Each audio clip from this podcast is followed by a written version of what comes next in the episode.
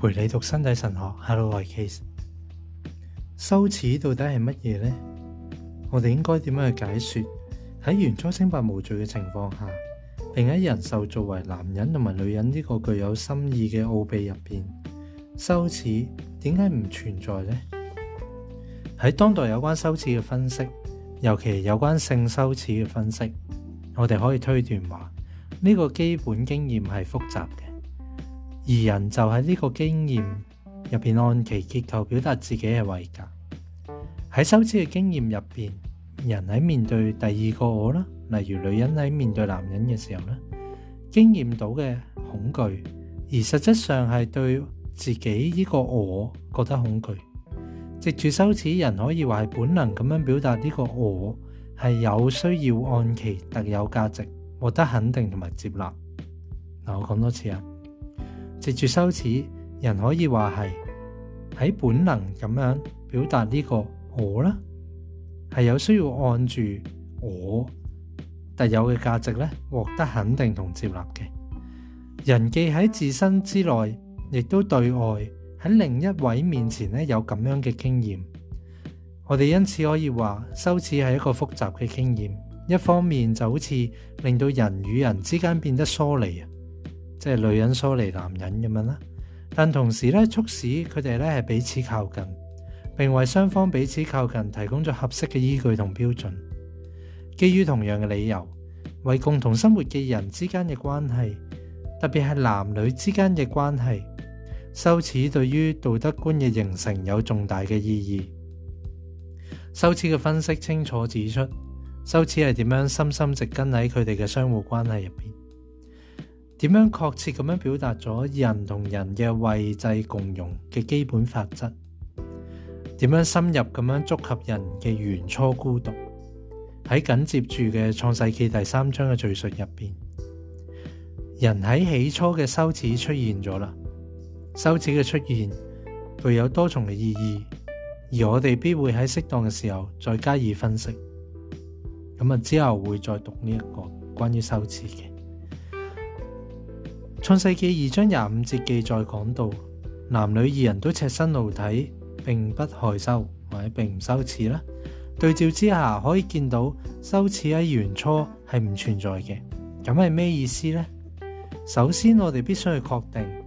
重點在於羞恥係完全不存在的，而唔係有所不足或者尚未充分咁樣發展出嚟。即系話係完全冇啊，而唔係誒。未出現，OK，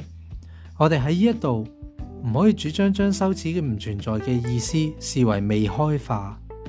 即係誒未進化到識得羞恥，唔係咁樣。因此，創世記二章廿五節呢一段經文，唔單止明確咁樣排除咗討論冇羞恥心或者不知廉恥嘅問題，甚至排除咗用正面嘅人性經驗。为类比去说明羞耻，例如系童年嘅经验啦，或者所谓原始民族嘅生活经验咁样，咁样嘅类比唔单止系不足嘅，仲可能系完全误导嘅。创世记二章廿五节所在，佢哋并不害羞呢句说话，并非表达一种不足，相反系指出某种圆满嘅意识同埋圆满嘅经验啊，尤其就佢哋赤身到底呢个事实。指出佢哋对身体意义嘅全面了解。喺亚威典接下嚟嘅叙述可以见到，我哋确实系应该咁样去理解同埋诠释头先引述嘅经文。喺呢个叙述入边，修耻啊，尤其系同性相关嘅修耻，系随住原初嘅圆满失落之后而出现嘅。因此喺预设修耻嘅经验系一种交界经验时，我哋就必须要反问自己。我再读多次，因此喺预设咗羞耻经验系一种交界经验嘅时候，我哋就必须去反问自己啦。创世纪二章廿五节所述原初赤裸嘅意义，表现咗嘅一种何等嘅圆满嘅意识同经验呢？尤其系表现咗对身体意义有何等嘅全面嘅了解呢？为咗回答呢个问题，我哋就必须去谨记，至今所作嘅分析总体上都系用亚威典嘅片段为依据。喺呢个语境入边，经文将人嘅原初孤独描述为佢周围嘅生物世界之中，就其人性系冇办法揾到认同嘅。由于人系受造为男人同女人，佢喺另一位嘅帮助下，先发觉到自己嘅人性。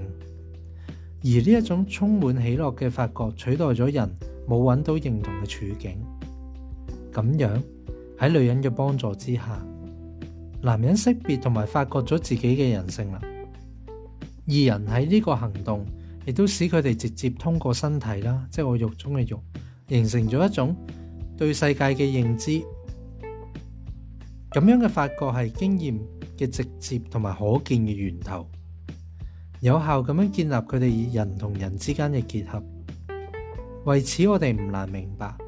赤身露体同埋身体意义嘅圆满意识相符嘅，而呢一种意识系由感官特有嘅认知产生嘅。我哋可以话呢个系对存有同埋现实所有范畴嘅真相嘅圆满意识嚟嘅，而且又可以话。系男人同女人最初喺佢哋都系赤身露体嘅情况下，就正正系按住呢个真相呢，佢哋彼此去交付，交出自己俾对方。喺分析原初赤裸嘅意义时候，我哋绝对唔可以撇除呢一个向度。人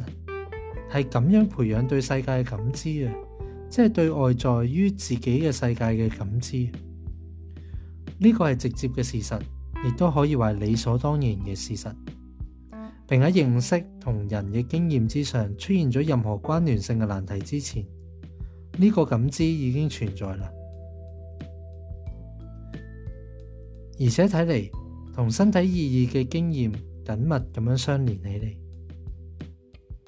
咁样我哋已经可以体会认识嘅原初清白无罪。咁啊，認識呢個字喺聖經入邊就講到性潔合啦，即系男人認識咗個女人啊，邊個認識咗邊個咁啊。然而，如果只係論述人對外在於自己嘅世界嘅感知，我哋就冇辦法辨識原初赤裸嘅意義啦。如果唔深入人嘅內心深處，就唔能夠確定赤裸嘅意義。創世記二章廿五節就係引導我哋認識呢一方面，希望我哋可以喺嗰度睇到認識到，誒睇到認識嘅原初清白無罪。事實上，我哋必須喺人嘅內在出發，说明同埋衡量人同人嘅位制共用嗰種嘅圓滿，即係位格同位格之間嗰種共用嘅嗰種圓滿啊！喺人嘅內裏咧去。誒由起點去理解呢一種為制共男人同女人，正係藉住共用而赤身露體，唔羞恥。喺我哋日常語言入邊交流啦，communication 呢個概念咧已經幾乎脱離佢最深層同埋原初嘅語義機體，即係個淵源啊。呢個字嘅淵源而家主要咧係用於媒體領域啦，講 communication 啦。亦都主要係用於各種用作學習、交談或者使人咧去彼此更加接近嘅一個產品啦。即而家就係咁樣講呢個字啊，communication。相比之下咧，我哋可以正確咁假設，按住交流 communication 原初同埋最深層嘅意義，無論係過去或者現在，communication 都係直接關乎於嗰個交流嘅主体之間嘅，而佢哋嘅交流。正係基於存在喺彼此之間嘅共結合啊，common union。其目的嘅達至同埋表達到主體位格之間一個特定嘅同埋相關嘅現實，即系交流嘅目的啊，係要達至同埋表達到主體位格之間。主體位格呢個佢有個括號，有個英文寫住 subjects having persons subjects person 主體位格。之間嘅一個特定相關嘅現實，咁样有一個深層嘅意義嘅，係關於主体同位格嘅咁樣，就唔係淨係講我哋平時講嘅溝通嘅交流嗰字。咁樣人嘅身體獲得咗全新嘅意義，呢個意意義咧同只停留喺對於外在世界嘅感知咧係不可同日而語嘅，即係人嘅人嘅主体位格交流。人嘅身体系获得咗一个全新嘅意义嘅喺诶呢段经文入边呢个意义咧唔系净系停留喺对外在世界嘅感知，所以系不可同日而语。事实上呢个意义系表达咗维格喺 he or she 嘅本体同埋实体上咧嘅具体性，唔单止系个个体嘅，从而表达咗人性啦，维格嘅我啦，而呢个我咧对于外在嘅感知咧。系用佢内在为基础嘅，从整个圣经嘅叙述可以见到啊，身体用其可见性显明咗人，即系可以见到个身体嘅身体就按住佢呢个可以见到咧，显明咗乜嘢系人，且喺显明人嘅过程咧，发挥咗一个中介嘅功能，使到男人同女人得以自起初按照造物主嘅愿意意愿。願意佢哋結合成為人同人之間嘅位制共用，去彼此交流。嗱，呢個我講多次啊。身體以其可見性咧，顯明咗人，且喺呢個顯明嘅過程咧，發揮咗中介作用啦，令到男人同女人喺自起初按住做物主願意佢哋結成嘅位制共用，佢哋就彼此交流啦。即係按住上上帝所創造嘅嗰嗰種共用啊，佢哋係咁樣彼此去交流。深層嘅交流，位格之間嘅交流，唔係净係外在嘅，而係牽涉到身體。睇嚟只有按住呢個向度呢，我哋才得以正確理解原初赤裸嘅意義。喺咁樣嘅語境入边，任何基於基于自然主義嘅準則呢，一定係唔足夠嘅。唔係上帝就咁做咗出嚟就擺喺度。但係基於诶维格主義嘅準則呢，都有啲幫助。創世纪二章廿五節確實係講咗一個非比尋常嘅事，係喺人性經驗所認識嘅羞恥範圍以外嘅，而且對位制共融嘅圆满呢嚟講係決定性嘅。呢個圆满係扎根於呢用呢個方式去展現同埋發展共融嘅真正核心。喺咁樣嘅關係入边，佢哋唔害羞。呢句说話只可以間接咁樣肯定維格入邊所固有嘅，亦即係可見嘅女性同男性嘅特質，從而指出一種原初嘅心意，就深層嘅意義。透過呢一種女性同男性嘅特質，構成咗直住交流而達至嘅位際親密關係，喺维格同维格之間非常親密好 close 嘅關係 intimacy。嗰个系全然简洁纯洁嘅关系嚟嘅，呢种对外在嘅感知嗰种嘅圆满性，系用赤身露体嚟表达嘅，切合上帝眼中嘅人所具有嘅内在嘅圆满性，亦即系按住上帝形象嚟衡量嘅一个圆满圆满嘅特质。嗱，我講多次啊，佢哋唔害羞呢句说話呢，係間接咁樣肯定咗维格所固有嘅，亦即係嗰個可見嘅女性男性特質啦，從身體散發出嚟噶因為男人係透一睇透過身體去見到女性嘅女性特質啊嘛，而倒翻轉女性都係咁樣見到男性嘅特質啦。從而咧，可以透過呢個過程咧，去展出一種原初嘅心意。因為透過呢啲嘅特質，構成咗佢哋藉住交流而達至嘅一個位制、位格同位格之間好親密嘅關係。嗰個係全言簡單純潔嘅關係嚟嘅。呢一種對外在嘅感知嘅圓滿性咧，係用赤身露體嚟表達，即係好圓滿啊！誒。赤身露睇都唔羞耻，可以表達到佢哋嗰感知，覺得呢件事係好完滿、perfect 嘅，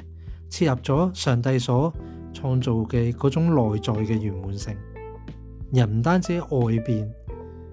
覺得啊件事好圆滿啊，做晒个世界出嚟好圆滿，由佢擺喺度啦，唔係淨係呢一種自然主诶自然神學嘅諗法，或者自然主義嘅諗法，